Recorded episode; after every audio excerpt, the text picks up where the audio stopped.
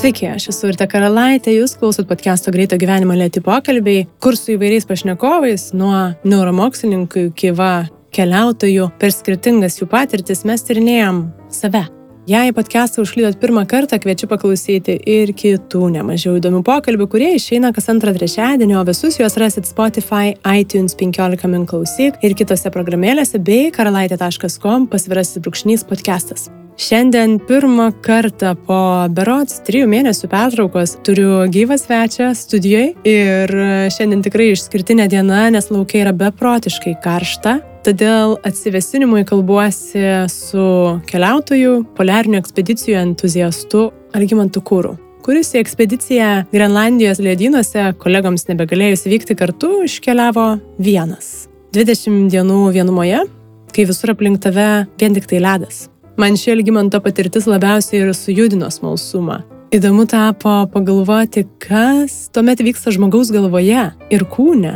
Už galimybę tenkinti tokį smalsumą ir nemokamai dalinti šiais pokalbiais su visais turim dėkoti visam būriui podcast'o remėjų. O šį kartą prie podcast'o Patreon draugų prisijungia klausytojas Gedrė Stabingytė, Rūta Paškevičiūtė ir Gedrė Ramonė. Neslėpsiu, dabar podcast'ui nėra pats lengviausias laikas, kaip ir Daugeliui galbūt vienas didesnis rėmėjas padarė pauzę, naujų pritraukti kol kas nepavyksta, tad jei tik galit prisidėti, kad ir simbolinė kasmėnesinė suma, mes visi, manau, būsim tikrai labai už tai dėkingi. Juolab, kad podcast'o antrasis gimtadienis jau visai čia pat. Iš tiesų tai sunku patikėti, bet pirmas pokalbis su Gedriumi iš Golden Parazit, pirmasis klausytojus pasiekė dar 2018 m. Liepos pradžioje. Šakės, koks nedrasus tas pokalbis ir pati pradžia buvo labai keista tą prisiminti. Jei tik norit pasveikinti podcastą su gimtadieniu ir pratesti pokalbius, dovanėlę galite palikti patreon.com pasvirasis brūkšnys lėti pokalbiai. Podcast'o kūrimą taip pat dalinai finansuoja Spaudos, radio ir televizijos rėmimo fondas. Podcast'o draugai, portalas 15 minučių, garso reklamos studija Drop Audio ir Vilniaus universiteto radio stotis Start FM. Ačiū tikrai labai visiems, kad pokalbiai nenutrūksta ir grūdina mus jau šitiek laiko. Atsivesinimui leiskime į pokalbį su Algymantu.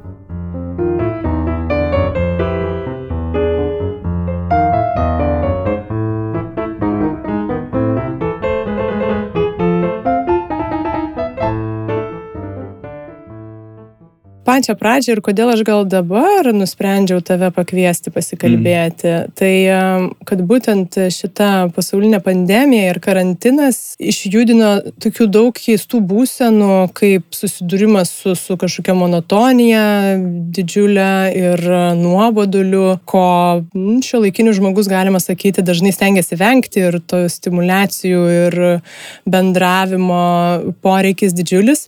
Tai čia kaip priešingybė aš matau, kad būtent tos ekspedicijos ledynais, ypač paskutinė ta, kuri visai vienas ėjai, mhm. aš teisingai pamenu, paskutinė ja. čia buvo Grenlandijoje, ir ne?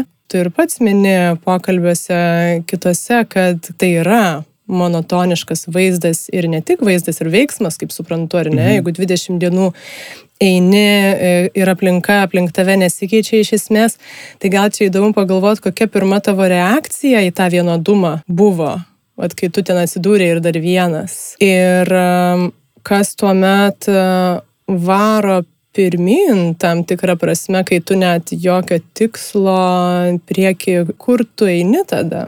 Matai, tos ekspedicijos labai skirtingos yra ir, ir labai skirtingomis vietomis. Tai nėra taip, kad visai nieko nebūtų, kad eitum ten pienę, žinai, plauktum. A, vis tiek kažkas yra. Ir paskutinė ekspedicija buvo tokia, kad, na, vaizdų ten gražių tikrai netrūko. Ir, ir fiordai, ledokričiai, ledynai, kalnai, daug kur gali akis ganyti, kaip ir viskas tvarkoja. Bet um, tu teisingai sakai, kad monotonija visgi yra, nes uh, tu išeini, išeini dviem, trim savaitėm ir kasdieną tu darai tą patį tu ryte atsikeli, pasigamini maistą, susikrauni palapinę, viskas susidėjai rogės, visą dieną čiūžys lydėmis, tempi paskui save tas rogės, vakare vėl stataisi palapinę, vėl verdėsi valgyti, eini miegoti, sekančią dieną tu atsikeli ir vėl viskas tas pats. Yra buvę ekspedicijų, kur nebuvo nei tų kalnų, nei, nei, nei tų lietkalnių, nieko. Tai viena iš tokių buvo gal prieš dešimt metų. Irgi toj pačioj Grenlandijoje, bet mes tada kirtome Grenlandijos e, ledo skydą, tą vadinamą skepą. Tai 600 km ledo. kur realiai jokio kauburėlio, jokio kalniuko, nieko, tik tai vat, lygus ledas po tavimi ir dangus virš tavęs. Tai tokiuose sąlygose iš tikrųjų ta, ta monotonija dar paaštrėja stipriau. Ir kartais netgi pradedi nebetskirti, kokia tai yra diena. Jos visos yra vienodos. Ir tada aš labai aiškiai atsimenu, kad prasidėjo toks, toks jausmas, kad tu esi įstrigęs erdvėje ir laikė.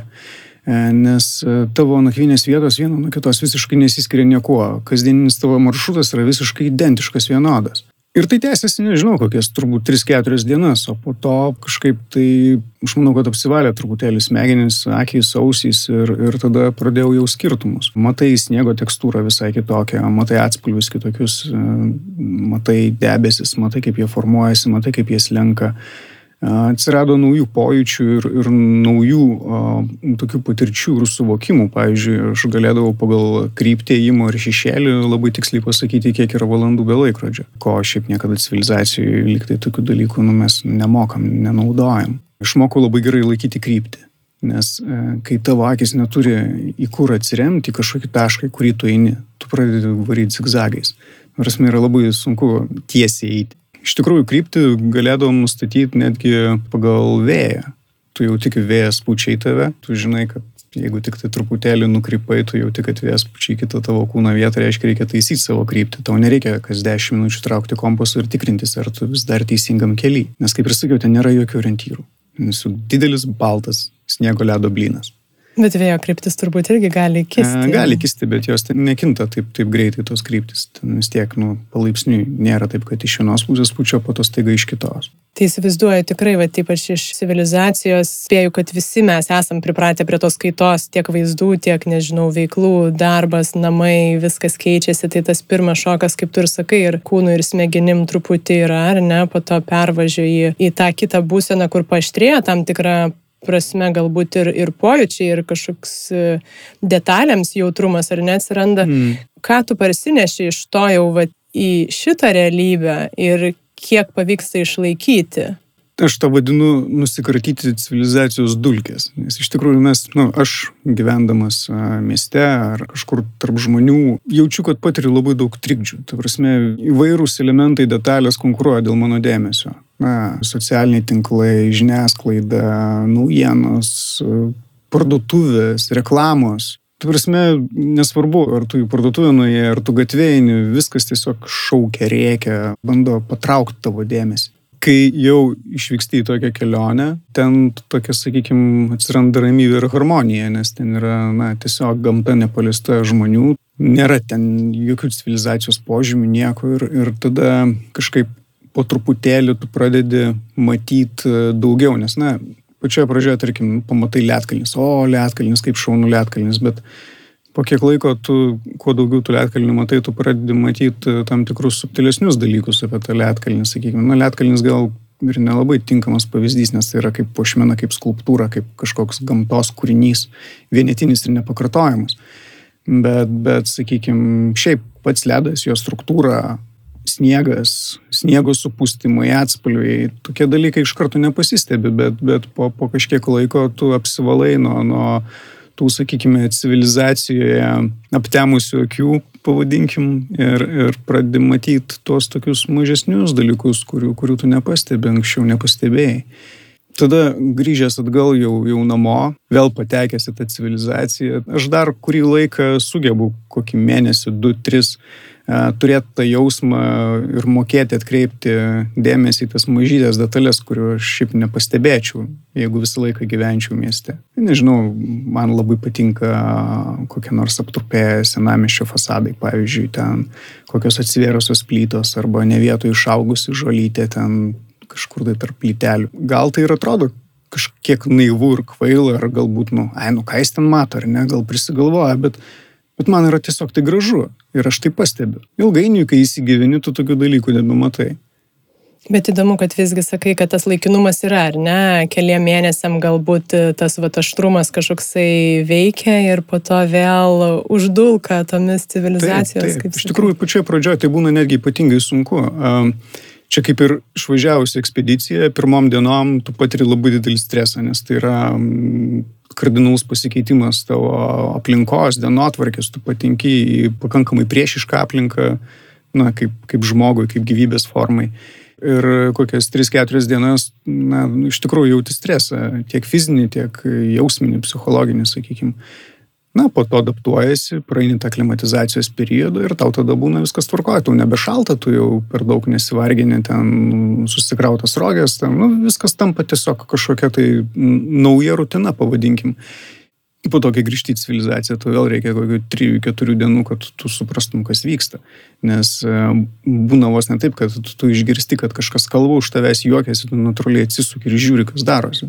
Tu prasme, tave, tave trikdo kiekvienas judesys, kiekvienas garsas, kurio tu negirdėjai ten tas tris savaitės, ar, ar kiekvienas ten vaizdas. Tai tu tampi daug jautresnis visam, visai aplinkai. Vėl būna sunku pereiti. Dar įdomu paminėjai stresą, tos tam tikros įtampos, aš įsivaizduoju, gali būti ir iš tos atsakomybės, na, ir, ir už save, ir už savo gyvybę, ir rizikingose kažkokiose situacijose, kad tu turi būti nuolat budrus, tu neišėjai tiesiog pasivaikščioti pievomis. Na ir tuo pačiu tu mini, kad e, stresas eikvoja ir, ir kūno išteklius, ar ne, tai tikslas yra kuo labiau nusiraminti. Vat kokią būseną pavyksta ten tuomet e, atrasti, kad būtų tokia tarpinė, aš kaip suprantu, budrumo, tam tikros, nežinau, šiek tiek įtampos, tu nesiten turbūt atsipalaidavęs, nežinau, tai čia jau aš. Na, paskui atsipalaiduoji. Aš manau, kad pačioje pradžioje taip esi, esi šiek tiek įsitempęs, o po to, po to normalu, kad pripranti prie sąlygų ir, ir kažkiek tas atsipalaidavimas atsiranda. Na, aš tikrai nevažiuoju į, į tos poliarinės ekspedicijas tam, kad kentėčiau. Ta prasme, man tai patinka ir, ir, ir aš tame randu labai daug džiaugsmo ir, ir smagių dalykų. Ir tai nėra taip, kad, kad ten visą laiką esi įstempęs kaip karo atveju apkasuose gulėdamas, ten kai viskas ten sproginėja aplinko ar dar kažkas. Tai. Aš manau, kad tiesiog reikia tinkamai pasiruošti prieš kiekvieną kelionę. Aišku, yra pavojų, yra tam tikrų rizikingų dalykų, bet jeigu tu tam ruošiesi, tu treniruojasi ir paskui irgi nepameti galvos dėl kažkokiu tai nesąmonių, tai tu viską gali padaryti pakankamai saugiai. Aišku, būna nenumatytų visokių ten dalykų, kur, kur kartais ten nu, prisidirbė taip pavadinkim, visai netyčia, bet, bet visur egzistuoja taisyklės. Ir jeigu tu laikaisi taisyklių, tai tikėtina, kad niekas nenutiks. Mano mėgstamiausias pavyzdys yra, kad e, mes automobiliais lakstome mieste, užmiestyje ir jeigu nebūtų kelių eismo taisyklių, tai ko gero išsižudytume labai greitai. Bet kadangi mes praeiname reiškia A kategorijos, B kategorijos ar dar kažkokius ten kitus kursus, ar ne, mus mokina, mes išlaikome egzaminus tada mes mokomės toliau patys važiuoti užsikliavę lapą. Na, tai yra procesas. Ir mes laikomės tam tikrų taisyklių ir dėl to tų kažkokių atvejų negerų labai mažai pasitaiko. Tol, kol visi laikosi taisyklių. Na, aišku, yra tam tikras procentas, kur nu, tiesiog vat, kažkas nutiko. Vat. Tai tas pats yra ir su ekspedicijomis, kad pavojų yra daug, turi būti budrus, bet jeigu laikaisi taisyklių, tai turėtų viskas būti gerai mini taip pat vis tiek kažkokios klaidos e, turbūt pasitaiko, e, tikiuosi, kad ir su patirtim jų turbūt mažėja, bet e, na, turbūt realu ir kad kažkokia tai rizika sveikatai ar, ar gyvybei ekstremaliuose situacijose irgi yra. Ne? Man čia įdomu, kaip santykius ta pačia rizika keičiasi per tą ilgametę patirtį, kad ta rizika yra, jinai niekur nedingsta, be abejo pasiruošimas, ką tu mini, bet toks ir emocinis požiūris į riziką, gal ir bendrai.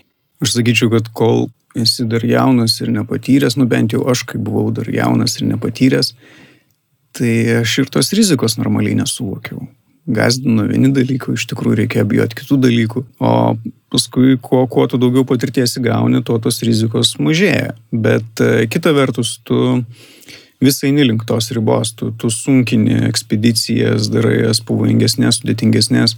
Ir aš taip pat e, su alpinizmu esu nemažai anksčiau užsiemęs, tai, tai ypatingai tenais jaučiasi tas, kad pačioje pradžioje ten, sakykime, techniškai ne kažkokias lengvesnės viršūnės perėjos, po to vis eina vis, viskas sunkin ir sunkin ir sudėtingin ir tas pavojaus lygis didėja, bet uh, paraleliai šalia didėja ir tavo patirtis ir mokėjimas tvarkyti su tom, sakykime, pavojingom sąlygom. Patirties nebus per daug ir, ir visą laiką reikia, na, palaikyti tą jausmą tarp, um, sakykime, sveiko proto ir noro padaryti kažką kitaip, daugiau ir geriau negu kad prieš tai esi daręs. Klaidos yra neišvengiamas dalykas. Visgi, jeigu tu nedarai klaidų, reiškia, tu darai viską taip, kaip esi anksčiau daręs, tame nėra tobulėjimo. Jeigu tu nori patobulėti, tai tu turi padaryti kažką tai truputėlį kitaip. Ir jeigu tu darai kitaip, na, normalu, kad ir padarysi klaidų. Na, be abejo, kai kurios klaidos gal būna elementarios, tu jas greit supranti, kažką pakeiti kitą kartą ir nebekartoji, bet įsivaizduoju, kad būna klaidų, kurios ir gali ir turėti ir sunkesnių pasiekmių, ar kažkokia tai ir nuoskauda vilktis paskui. Kaip su tokiom sunkesnėm tvarkaisi, čia jau įsivaizduoju vidinė diskusija tam tikra, mm. koks tavo santykis bendrai su klaida, aš suprantu, jos reikalingos, bet šleifą gali gali irgi turėti. Aš nebijau pripažinti klaidų. Jeigu aš e, suprantu, kad aš padariau klaidą, tai na, nebandysiu apkaltinti aplinkybių ar dar kažko. Tai aš nebijau suklysti. Kita vertus, kai patenki į kokią nors tikrai labai blogą situaciją dėl padarytos klaidos, aš labiausiai turbūt bijau to, kad e, po jau įvykio, kad netimtų noro keliauti e, toliau ir siekti kažko tai daugiau. Tai vadovaujus tokiu paprastu principu, kad e, reikia, na, čia patarlė yra kal geležį, kol karšta, arba ten lenk medį, kol jaunas, nu tai jeigu susidūrė su problema, reikia imti ir išspręsti čia ir dabar. Nes jeigu jinai užsisidės pas tave galvoje, tai paskui labai bus sunku išmušti. Čia kaip pavyzdys, e, Grenlandijoje iš tikrųjų per praeitą ekspediciją ėjau labai nestabiliu ledu ir ten buvo ne viena klaida, ten buvo visa klaidų virtinė ir kažkur gal kilometro atstume nuo kranto įlūžau jūros ledą, reiškia, su, su visam rogėm ir ten teko plaukti, ten kapunotis ir, ir iš tikrųjų buvo blogai, nes buvo žema temperatūra, prasidėjo atoslūgis, ledas netvirtas, man reikėjo išbėgti ledo labirintais kilometrą į krantą, pradėjau jausti hipotermijos požymius, buvo tikrai blogai. Na, aišku, viskas pavyko, išsigelbėjau, pasistačiau palapinę, lindau mėgmaišį, sušilau, viskas buvo tvarkoje. Bet e, po to išgrįžau į civilizaciją, nes buvau labai netoli iš tikrųjų vieno kaimo. Išsidžiavinti daiktus, persidėlioti juos visus ir, ir pagalvoti iš viską daryti, nes aš buvau saloje, iš kurios nebuvo kito kelio.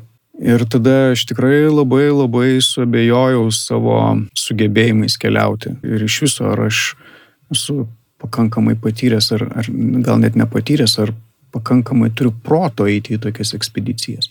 Nes iš principo, nu, galima sakyti, man nedaug trūko, kad būčiau tenais ir žuvęs. Padėtis buvo gan beviltiška, mano psichologinė būsena tikrai bloga ir sprendžiau, galbūt man reikėtų tiesiog viską nutraukti ir keliauti namo, nes Sąlygos buvo blogos keliavimo, o aš pats išsimaudęs, bijau ledo kaip nežinia ko. Bet aš tada nusprendžiau, kad jeigu aš dabar atsitrauksiu ir grįšiu namo, na iš tikrųjų ten niekas turbūt net nebūtų klausęs ar net per dantį traukęs, kad aš grįžau, nes na iš tikrųjų ten nebuvo įmanoma iš tos salos paprastai iškeliauti ir ten tikrai buvo labai bloga ledo situacija aplinkui. Bet nusprendžiau, kad jeigu aš atsitrauksiu, tai aš turbūt daugiau niekada nebegrįšiu.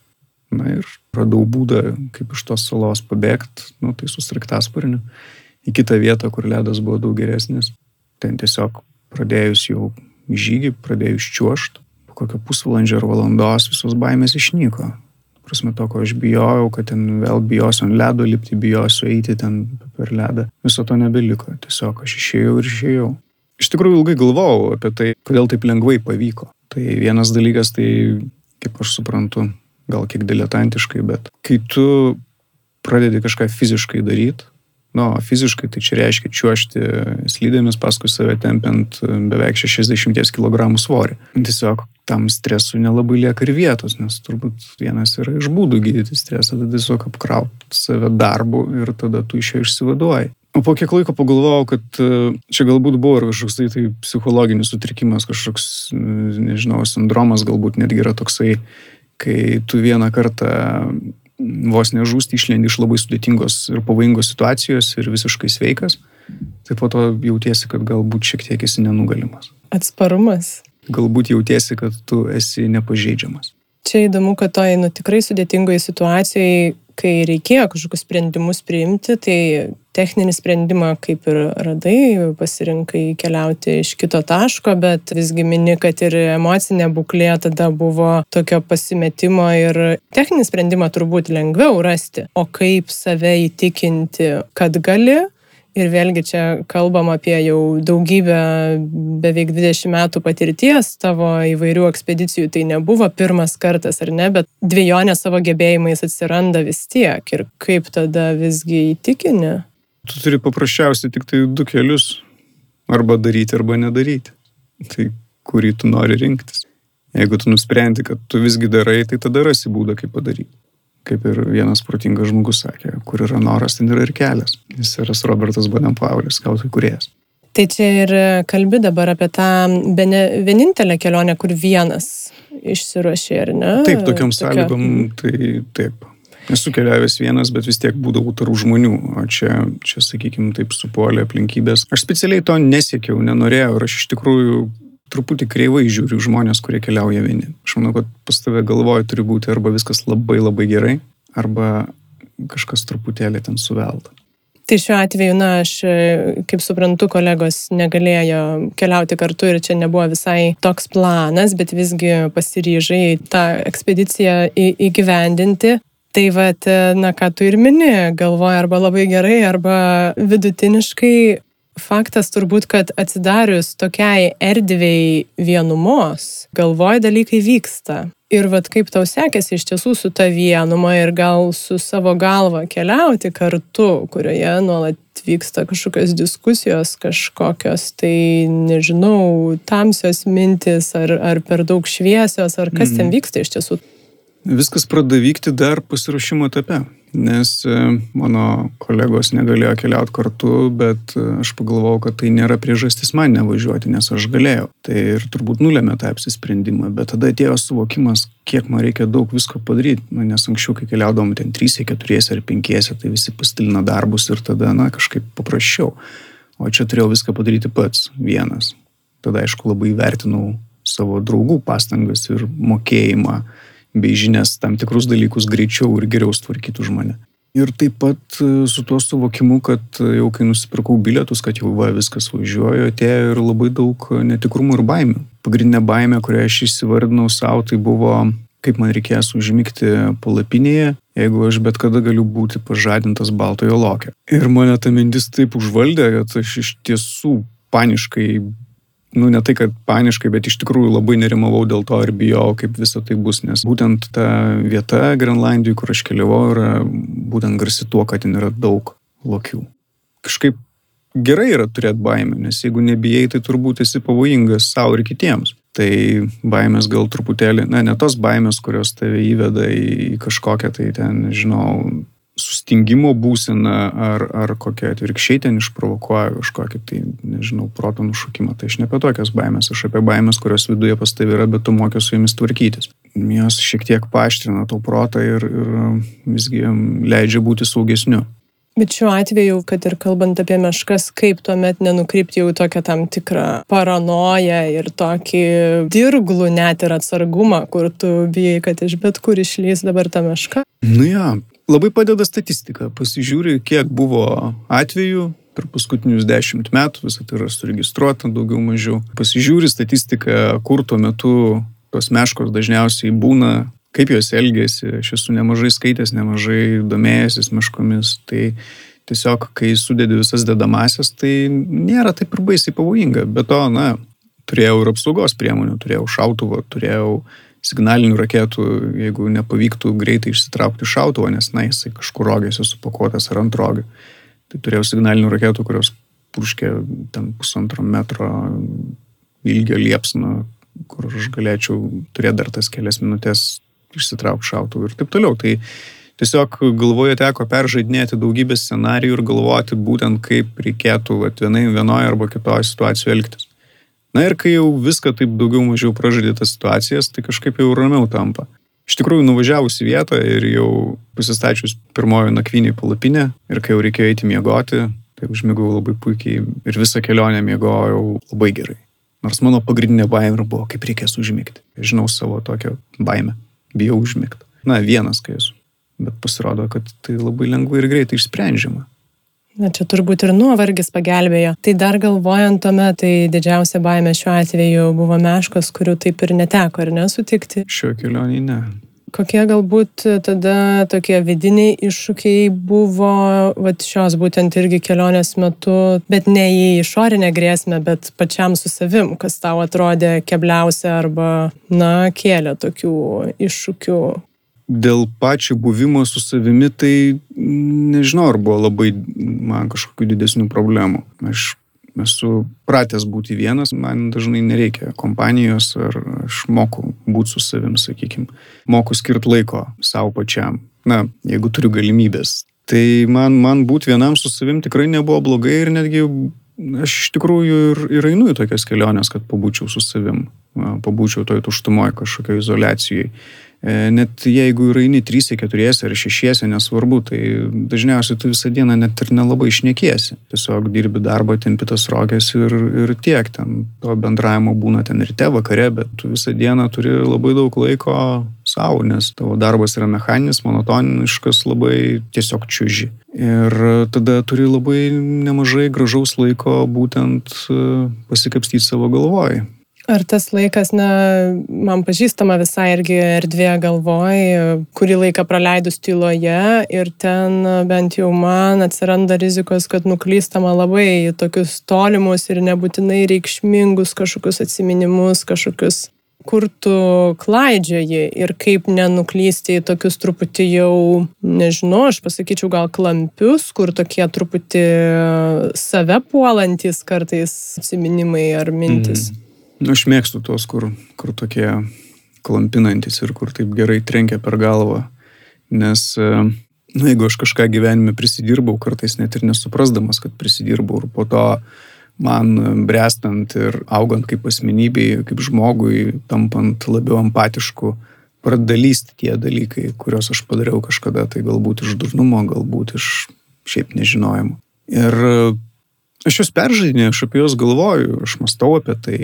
Aš sakyčiau, kad man tai yra būdas, gal taip sakykime, susitaikyti su tuo, ką aš padariau, ko aš nenorėjau padaryti.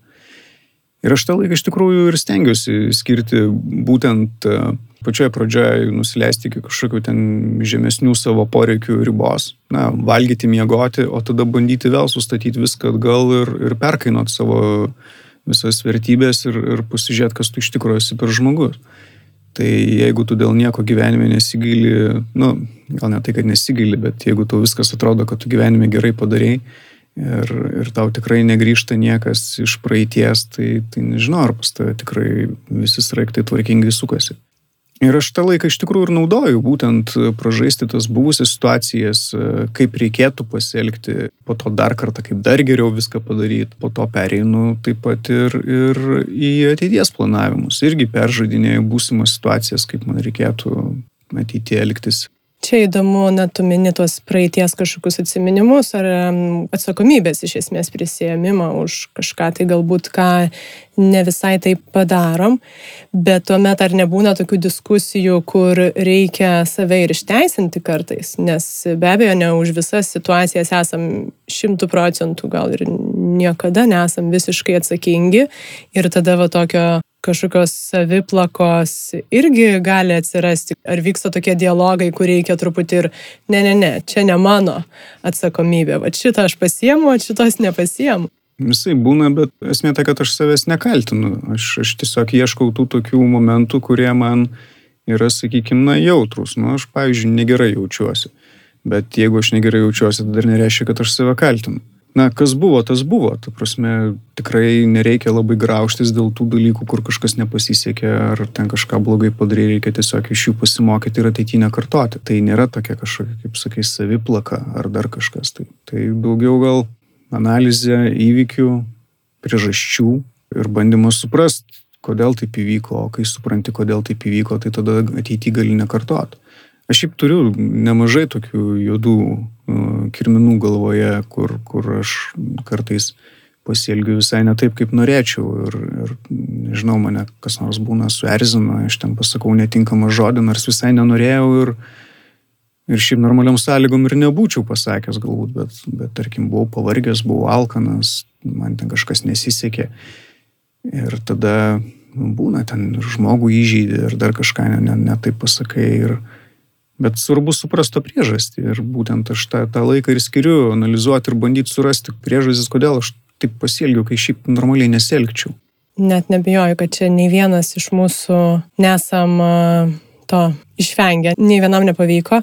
Aš dar truputį gal tada noriu atsitraukti, grįžti prie gamtos, kuri yra be galo galinga ir net nebejoju, kad Tau teko turbūt jau seniai pripažinti, kad nepavaldi mums absoliučiai. Ir kiek bebūtum pasiruošęs profesionalus, nebūtinai jinai žaidžia kartu. Čia įdomu galbūt, kaip pavyksta priimti save tose situacijose kaip silpną ir, ir bejėgį, galbūt jau kur nebe mūsų klaidos sukelia kažkokias tai ar rizikas, ar, ar nepatogumus. Čia gal įdomu paliesti ir iš vyro pozicijos, kaip yra vyrui susitaikymas su tam tikru bejėgiškumu šiuo atveju. Čia tas bejėgiškumas, tai vėlgi, ta prasme, jeigu tu norėtum pakeisti vėjo kryptį ar ten, nežinau, užšaldyti atvirą fjordą, nu, ar kalną kažkokį nuverst, nu, tai taip, tu būtum bejėgis, bet yra klausimas, ar tikrai reikia tai daryti. Yra dalykai, kuriuos tu gali pakeisti, yra dalykų, kurių tu negali pakeisti. Tai gamtos stichija yra tai, ko tu negali pakeisti. Tai tiesiog susitaikai ir nekeiti. Tiesiog bandai tada kažkaip adaptuotis, prisitaikyti ir, ir išmokti išgyventi tom sąlygom, kokias tau gamta mestelėjo.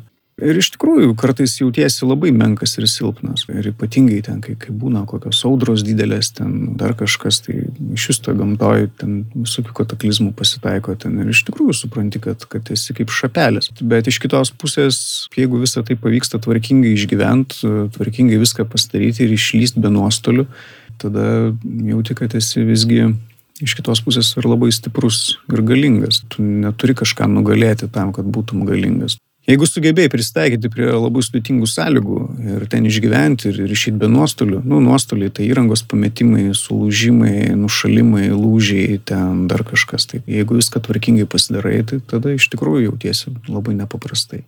Man taip ganėtinai stereotipiškai teko pagalvoti apie tokius žygius bendrai ir manau, kad e, dažnam pirmos mintis būtų, kad tai yra apie drąsą.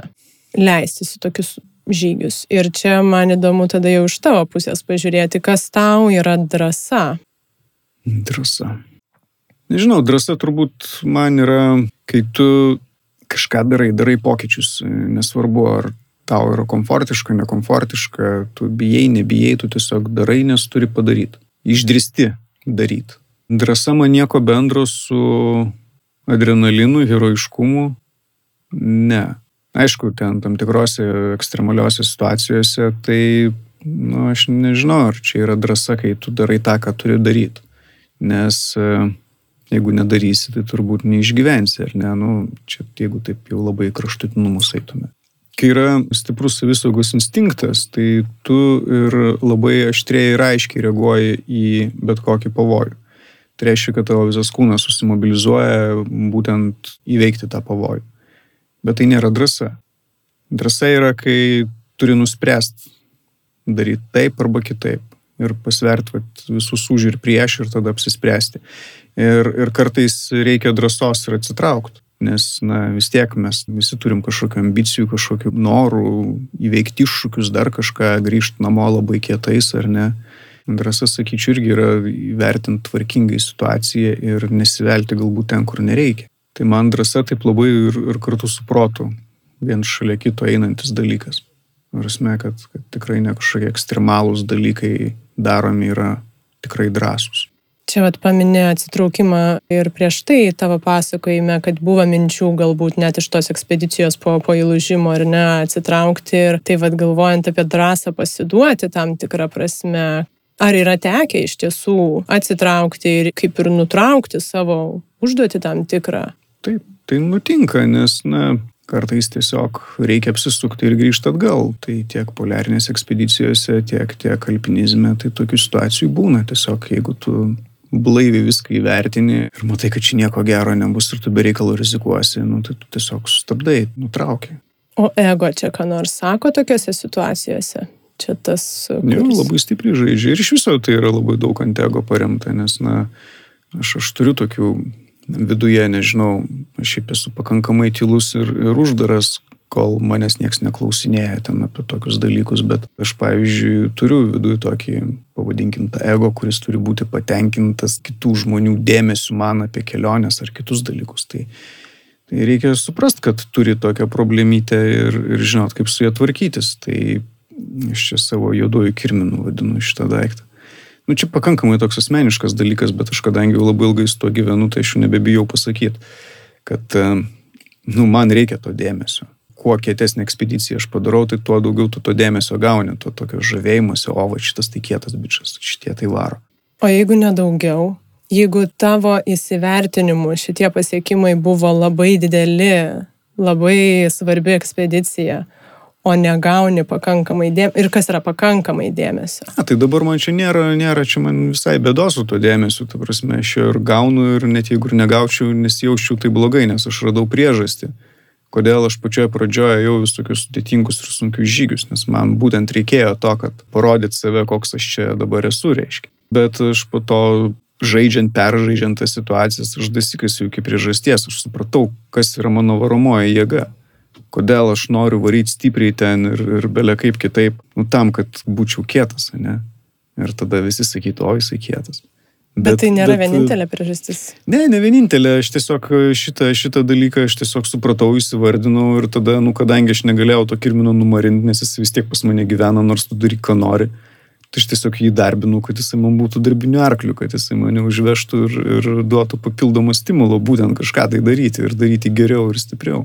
Taip, labai įdomu, kaip galima tą kažkokią tai piktąją jėgą mhm. pakreipti savo tikslų link. Dar noriu truputėlį grįžti prie drąsos ir rizikų.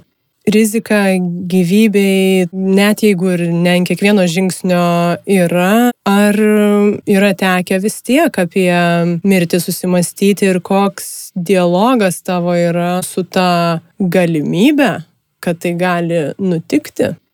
Na, aš manau, kiekvienas turėtų turėti tą dialogą, nesvarbu, ar tu darai kažką tai labai ekstremalaus, ar ten sudėtingo, pavojingo, ar tiesiog gyveni standartinį gyvenimą. Nu, standartinį pavadinkim tą visuotinai primtą, ar ne. Na, mieste civilizacijų ir taip toliau. Iš tikrųjų, mes čia, nu, aš bent jau, kai mieste gyvenu, tai jaučiuosi pakankamai saugiai ir toks netgi nepažeidžiamas ir, ir važiuoji tuo automobiliu, žinai, ir viršijų kartais tuos 10 km ale atseit, už kurios niekas nebaudžia. Bet aš tokiu būdu visgi tą riziką didinu. Ir tų nelaimų būna visokiausių. Anksčiau sakydavau, tai gali eiti gatvę ir ant tave žibintas gali nukristi. Na, čia toks buvo pasakymas, jau nežinau. Čia visiems sakydavau, tevam, draugam, kurie sakydavo, ar nu, ne per daug tu čia rizikuoji.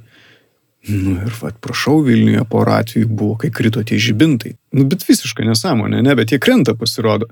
Ir tu iš tikrųjų gali, vad, tiesiog vidury gatvės pasitikti savo likimą.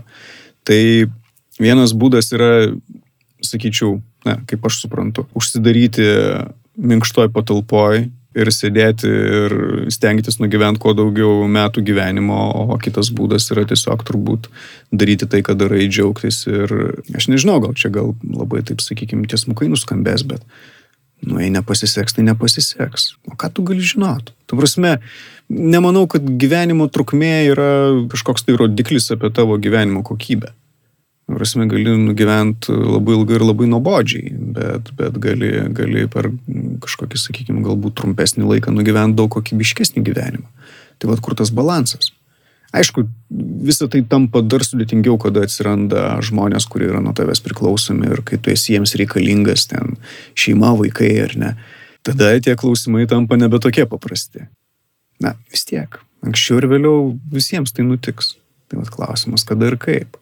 Mini kitus žmonės, bet e, norėčiau pažiūrėti ir į grupės, kurias tu vedi e, kaip vadovas, ar ne, ekspedicijų, ar tai kalnus. E, būna tokių, ar ne? Būna vedu, būna tiesiog mes draugų kompanija išvažiuojam ir tiek, ta prasme, kur ten kiekvienas yra atsakingas už kažkokią tai dalį žygio. Atsakomybė irgi išsidalina, nes na, tu, tu prieimi sprendimus demokratiniu principu. Bet kiekvienas turi savo kažkokį tai, pavadinkim, arkliuką. Vienas yra geras ten planavime, kitas geras yra ten maisto gaminime, trečias geras remontuoti lūžusius daiktus ir taip toliau. Taip, aišku, tenka prisimti atsakomybę už save ir už kitus kartais. Man dar įdomi va ta vadovo, lyderio kaip be pavadinsi, pozicija būtent tokiuose ekstremalesnėse situacijose ir nežinau, kaip tos grupės, ar jos irgi būna tiek pat patyrę, ar galbūt mažiau ir tai vėlgi labai skirtingi žmonės turbūt su skirtingom savo ir patirtim, ir reakcijom, ir baimėm, į ką tu labiausiai koncentruojasi, va, vesdamas grupę ir kaip ir formuodamas ją vis tiek kaip vienetą, jau čia nebėra visi pabiri žmonės. Tos kelionės, kurias aš organizavau, tai čia jokios komercijos nėra šitoje vietoje ir, ir mes šiaip nedarom komercinių kažkokiu tai kelionių, kur gali bet kas norintis, nepažįstamas ateiti ir su mumis keliauti. Kadangi tai yra mūsų atostogos už mūsų pinigus per savo laisvą laiką, tai mes pasirenkame savo kelionių draugus. Tai dažniausiai būna na, kažkokie mūsų pažįstami, kurie jau turi kažkokią tai vienokią ar kitokią kelionių patirtį ir pagal tai yra paruošimas maršrutas ir, ir keliauja. Na, aišku, būna visokių ten nesąmonių, kai ten ir nelabai gerų dalykų atsitinka. Ir buvo viena kelionė, kur ėjom žiemą slydėmis vakarinių Sajanų kalnuose, čia Sibirė. Ir didžiąją dalį grupės, nu iš tikrųjų penkis iš šešių nunešiau sniego laviną. Nu, aš buvau tos grupės ale vadovas ir mano sprendimas buvo eiti per tą perėją ir aš pirmas ėjau ir mane pirmą pagavo. Nu tai viskas ten laimingai baigėsi, ta prasme, išsikapstėm, išsikasėm viską ten, truputį įrangos praradom, bet na, čia tiek to. Ir taip, po to turėjau labai daug laiko apmastyti Ar aš iš viso suprantu, ką darau? Ar aš e, galiu rizikuoti kitų žmonių gyvybėmis eidamas ten, kur pats nesu įstikinęs, kad yra saugu? Bet čia gal niekada ne, ne, neįmanoma būti iki Bet galo. Čia neįmanoma būti iki galo. Čia turbūt kaip ir reisinių autobusų vairuotojas, ta prasme, jisai turbūt irgi padaręs avariją tokius dalykus, irgi turbūt apmasto. Ar jisai yra geras vairuotojas, ar jisai turi teisę iš viso vežti kitas gyvybės savo transporto priemonį. Tai tas psichologiškai yra labai sunku, bet, bet iš kitos pusės čia jau pasiteisinimas, kad tie žmonės iš principo žino, kur jie eina ir žino, kokios yra galimos rizikos. Ir jeigu matai, kad yra mažiau patyręs žmogus, tai vis laikas tengiasi ir susipažindinti su tuo, kaip gali būti, kas būna ir, ir taip toliau. Šiaip labai sunkus klausimas. Ir praeitais metais, kaip, kaip ten truputėlį pasimaudžiau ten to jūroje įlūžęs, Tai irgi lygiai tie patys klausimai užplūdo. Ar, ar aš pats savo nesu pavojingas? Aš kaip suprantu, tokio vat, siekio, kuris galbūt buvo pradžioj, kuo pavojingiau, kuo įdomiau, kuo garsiau, kad nuskambėtų, galbūt nebėra. Ir vat, po tokių klaidų ir potyrių, kaip tuomet siekiai persiformuluoja galbūt. Na, rizika tampa labiau subalansuota. Prasme, jos ne tai, kad mažėja, jinai tiesiog mažesnė tampa, na, tu tiesiog moki geriau tvarkytis su tą riziką, na, proaktyviai, sakykime, reaguoti tam, kad nepakliūtum į, į kažkokias bedas. Kad dabar sakyčiau, kad keliauju ne taip pavojingai kaip anksčiau, tai tikrai nėra, na, pagal, sakykime, tos standartus. Bet man dabar kelionės yra mažiau pavojingos, nes aš jau įgyjau tam tikros patirties. Ir yra kitas dalykas, kad e, pačioje pradžioje, aišku, labai, labai rūpėjo, kuo daugiau kilometrų ten, kuo toliau, kuo greičiau, nu, žodžiu, visi drąsūs, stiprus, vikrus, čia ir visa kita. Bet e, dabar aš vėlgi bręsdamas turbūt kaip asmenybė matau daugiau dalykų, ne tik tai, kad nučiuošti kuo daugiau kilometrų, ne, nebėra vien tik tai to sportinio intereso. Atsiranda ir daug kitų Tai būtent pabūt gamtoje, kažką sužinoti apie save naujo, kažką sužinoti apie kitus naujo. Tai nėra vien tik tai fizinės darbas diena iš dienos ir po to, kad gali pasakyti, va, nuvariau 500 km. Nu gerai, nuvarėjai ir ką, bet ką tu pamatėjai, ką tu išmokai tenais. Tai aš dabar jau daugiau dėmesio kreipiu ne į kilometrų skaičių, o į tų kilometrų kokybę. Taip, tai sakai, kad neini dėl rezultato ir tikslas yra kažko tai išmokti, sustiprėti, kažką parsinešti ar ne.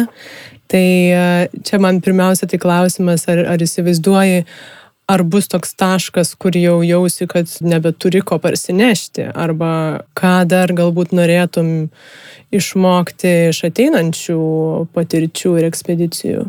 Žinai, tie, tie žingsniai jie, jie dabar jau nelabai dideli yra, nes pačioje pradžioje, kai tu tik tai pradedi keliauti, tas tobulėjimas yra labai greitas. Tu, tu labai stipriai ir daug visko išmoksti per labai trumpą laiką.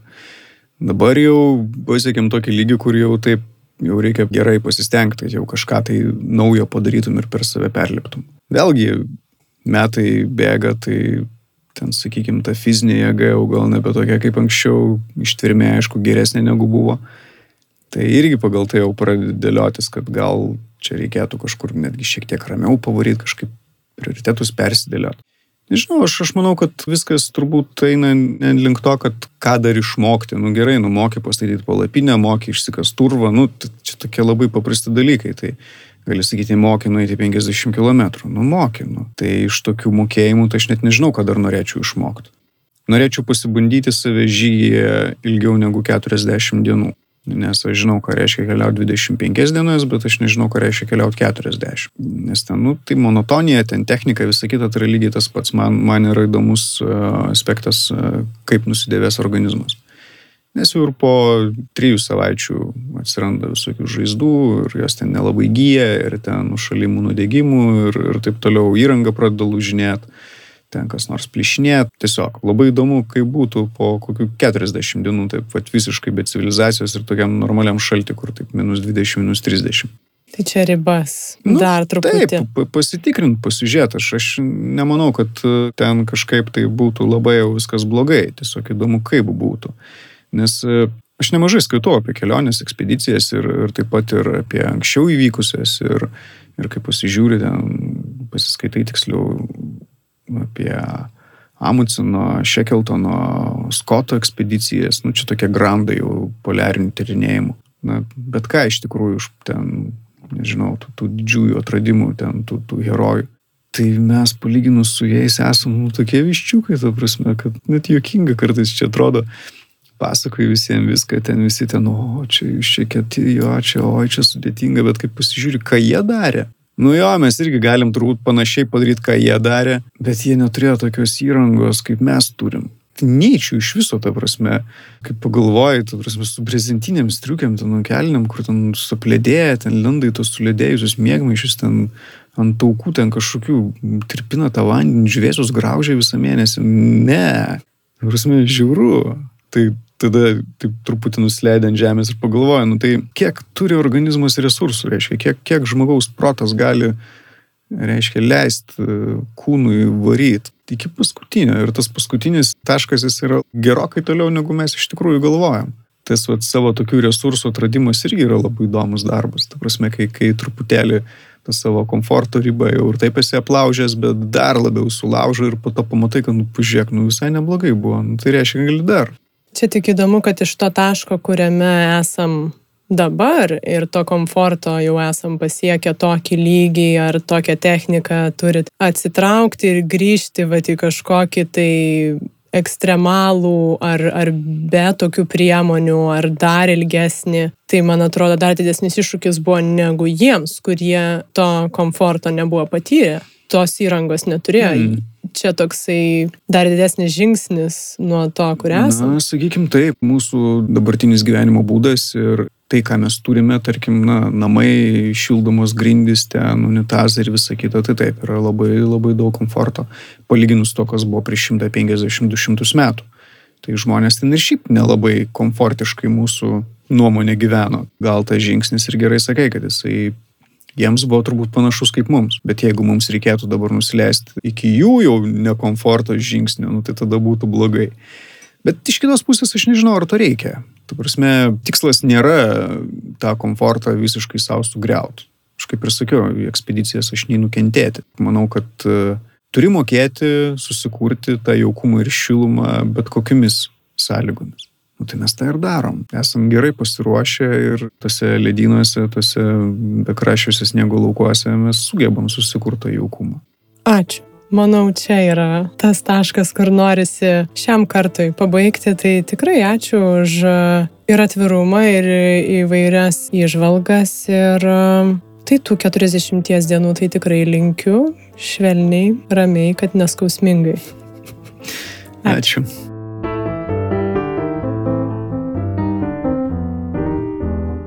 Jau 40 kažkelintą kartą ačiū, kad klausėtės. Man tikrai didžiausią įspūdį turbūt paliko Algymanto gebėjimas reflektuoti ir tai daryti ramiai ir drąsiai. O čia aš tikrai matau didžiulę drąsą. Nepraleiskit naujų epizodų, sekdami podcastą Instagram ir Facebook paskyrose bei prenumeruodami jį audio platformose.